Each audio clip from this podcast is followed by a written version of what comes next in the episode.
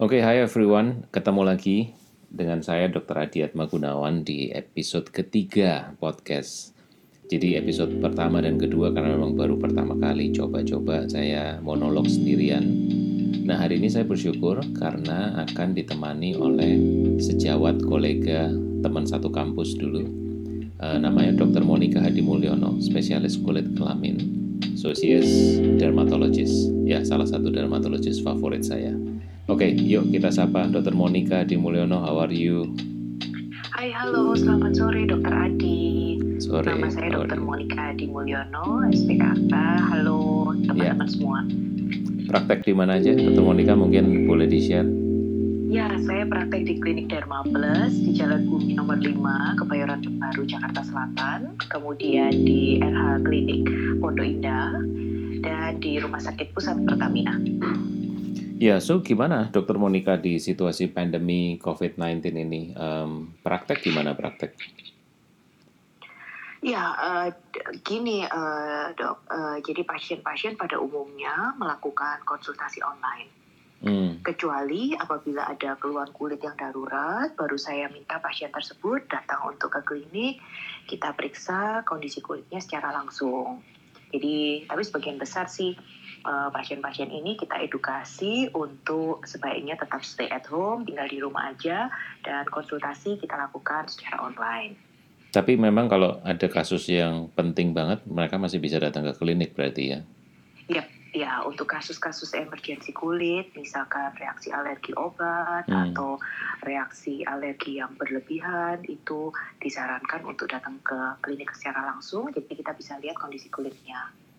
Oke, okay. Tapi I think you as a dermatologist walaupun masih terima kasus apa pasien mesti uh-huh. ini ya dokter Monica ya mesti benar-benar pakai APD lengkap dan lain sebagainya ya. Iya betul dok. Jadi untuk kebaikan dan keamanan kita bersama, jadi pasien itu sebelum datang ke klinik memang hmm. kita anjurkan pasien ini membuat appointment dulu. Oke. Okay. Jadi melalui telepon atau WhatsApp, kemudian kita tanyakan keluhan-keluhan utamanya apa, kemudian apakah ada keluhan-keluhan tambahan, misalkan apakah ada demam beberapa hari terakhir, batuk, pilek, nyeri tenggorokan, atau habis berpergian dari luar kota atau luar negeri, atau ada saudaranya atau koleganya atau kerabatnya yang menderita sakit yang sama. Oke, okay. gitu. oke, okay. ya itu precaution yang memang penting lah ya kita lakuin betul, ya. Betul, betul. Kemudian okay. pada misalkan pasien ini memang sesuatu yang perlu kita lihat kondisi kulitnya sesuatu yang darurat, pasien boleh datang ke klinik. Pada saat datang kita minta untuk isi form terlebih dahulu untuk screening dan kemudian kita ukur suhu tubuh juga dok. Nah, oke. Okay. Um, ngomong-ngomong pasien itu kan kalau kondisi yang emergensi gitu ya. Yes. Tapi kalau mereka-mereka yang selama ini misalkan pasien yang rutin melakukan perawatan hmm. um, atau treatment-treatment lah ya mau itu laser or hmm. apa saya nggak terlalu paham gitu um, mereka apa kabar hmm. dok?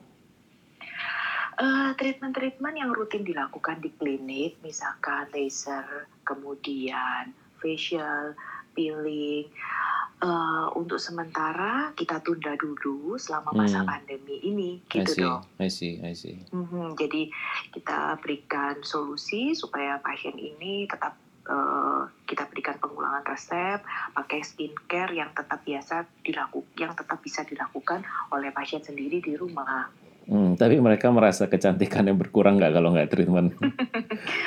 ya, itu memang harus saya saya edukasi bahwa walaupun hanya di rumah saja tetap harus menggunakan skincare secara rutin, dok. Oke, okay, gitu ya. Supaya kecantikannya tidak berkurang, supaya kulitnya tetap terjaga, kulitnya tetap sehat dan tetap tampil glowing ya. betul, betul, betul. Oke. Okay. Um, nah, tapi buat mereka-mereka atau sebagian besar teman-teman, I think kita masih masih masih cukup panjang lah perjalanannya. I mean um, PSBB di beberapa kota, kemudian saran untuk work from home juga masih panjang. I think uh, for the next one month masih seperti yeah. itu.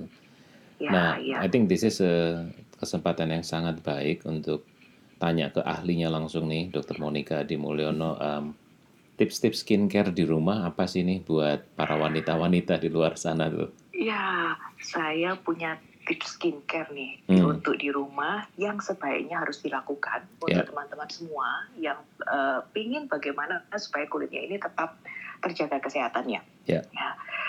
Uh, kita mulai dari pagi hari ya dok ya. Jadi pagi hmm. hari sebaiknya harus cuci muka menggunakan sabun yang hmm. biasa digunakan. Jadi tentunya yang sesuai dengan kondisi kulitnya. Oke. Okay. Nah, sorry dok, yes. saya potong. Kalau misalkan uh -uh. pakai sabun dan misalkan dia biasa uh -uh. pakai sabun dari Dokter Monica atau dari klinik gitu, pasien masih yeah. bisa beli kan ya? Bisa dok, bisa. Hmm. Kita bisa okay. uh, layanan uh, delivery, pasien bisa menghubungi kami, nanti nggak uh, perlu datang ke klinik, jadi nanti produknya bisa kita delivery ke nah, Oke, okay. so itu itu satu kelegaan lah ya buat mereka mereka.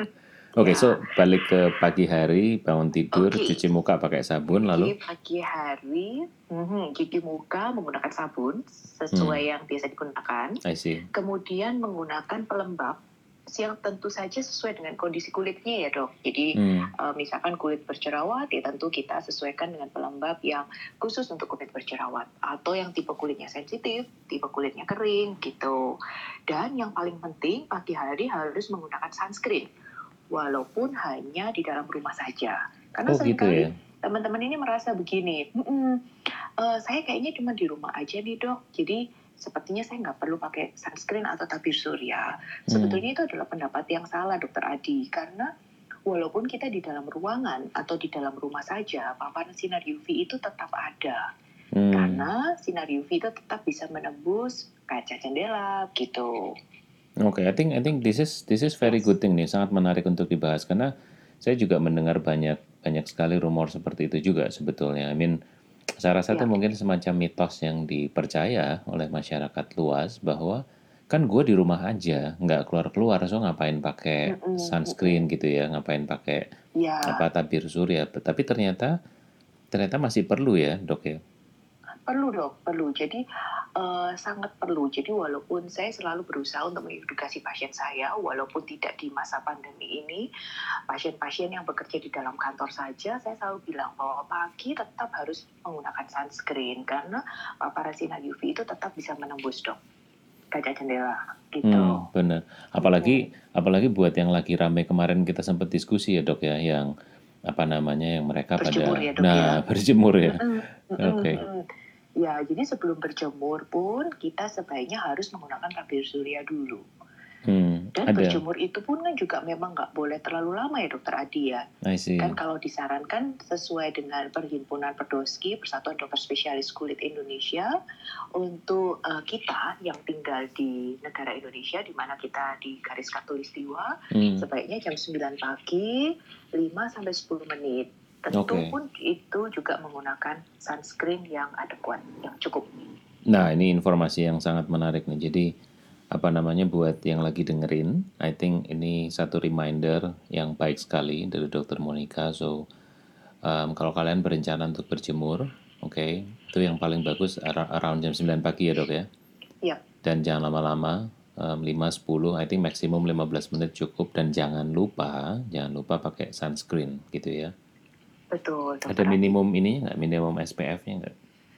Minimum untuk kulit yang kering normal SPF 30, tetapi hmm. yang kulit yang cenderung berjerawat kita tidak menyarankan SPF yang terlalu tinggi 20 SPF 20 sampai 30 saya rasa cukup. Cukup ya.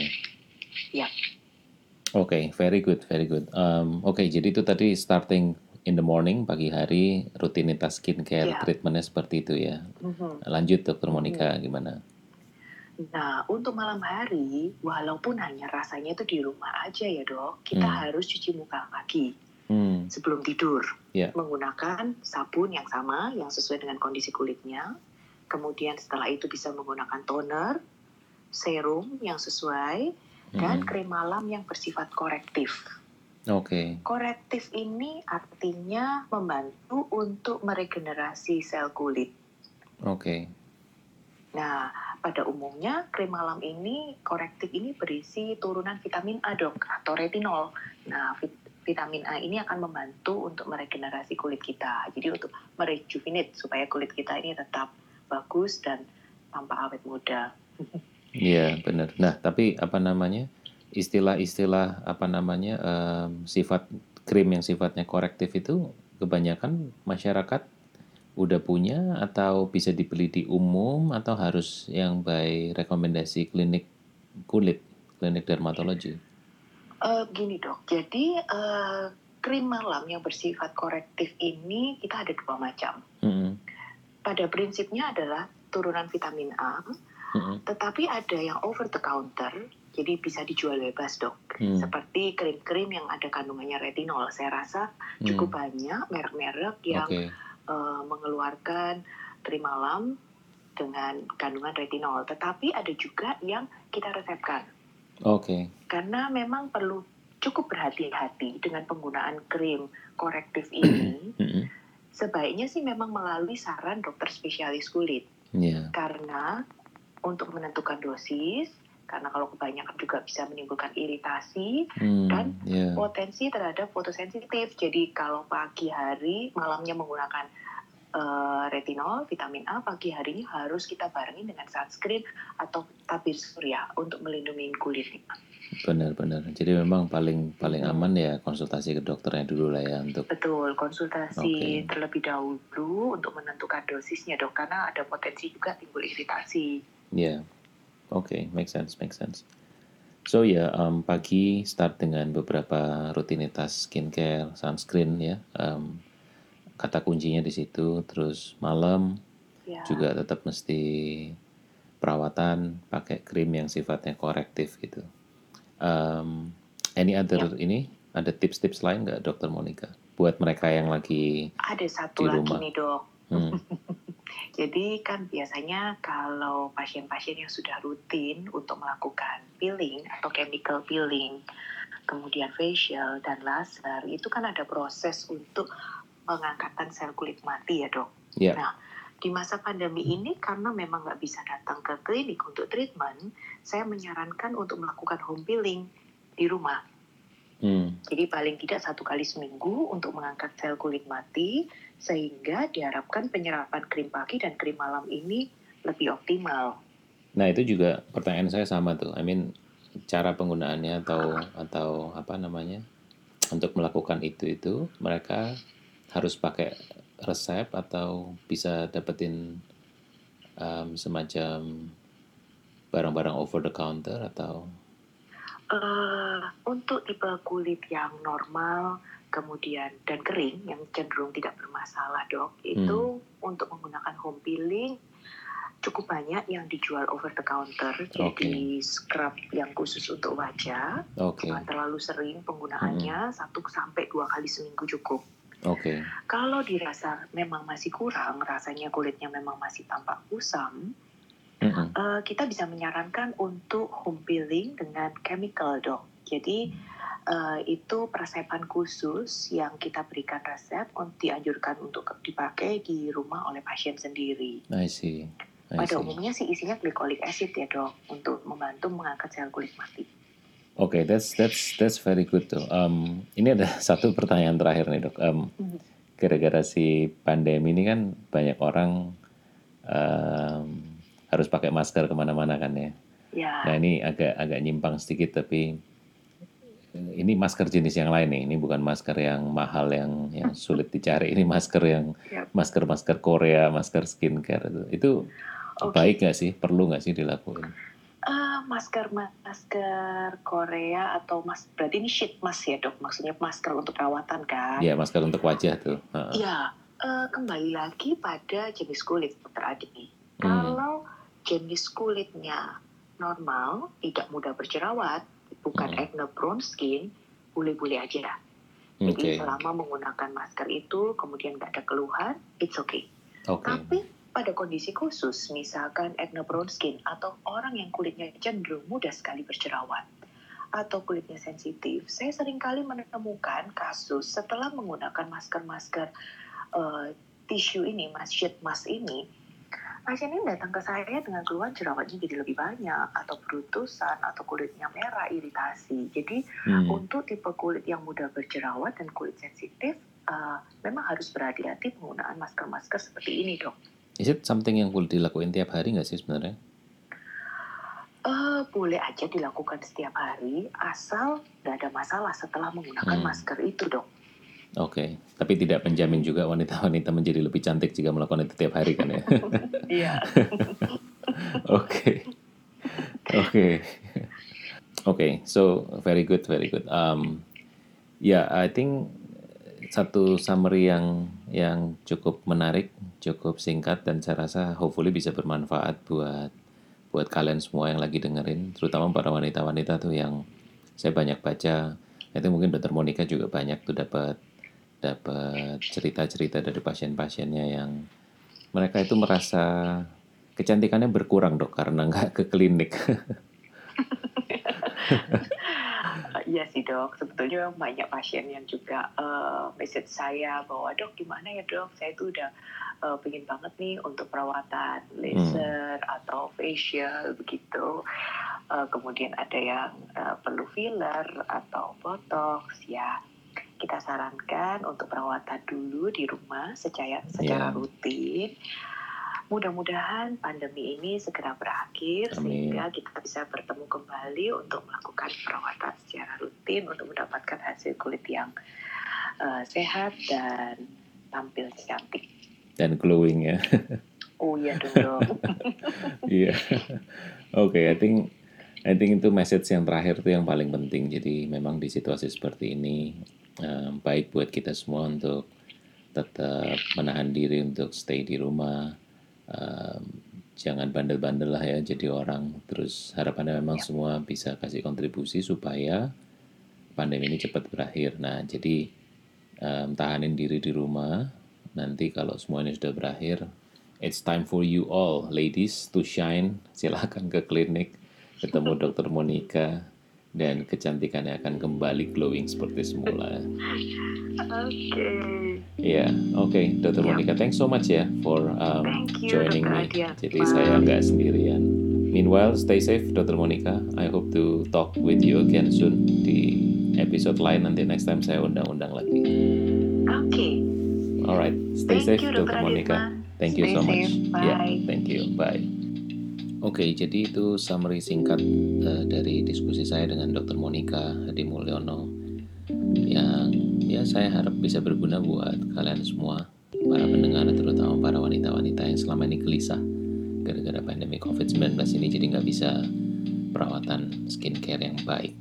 Tapi hopefully dengan beberapa tips dari beliau tentang skincare uh, tipe-tipe rutinitas skincare tips yang bisa dilakukan di rumah, saya harap bisa bermanfaat dan membuat kalian semua tetap cantik dan glowing dan sehat. Ya sehat yang paling utama.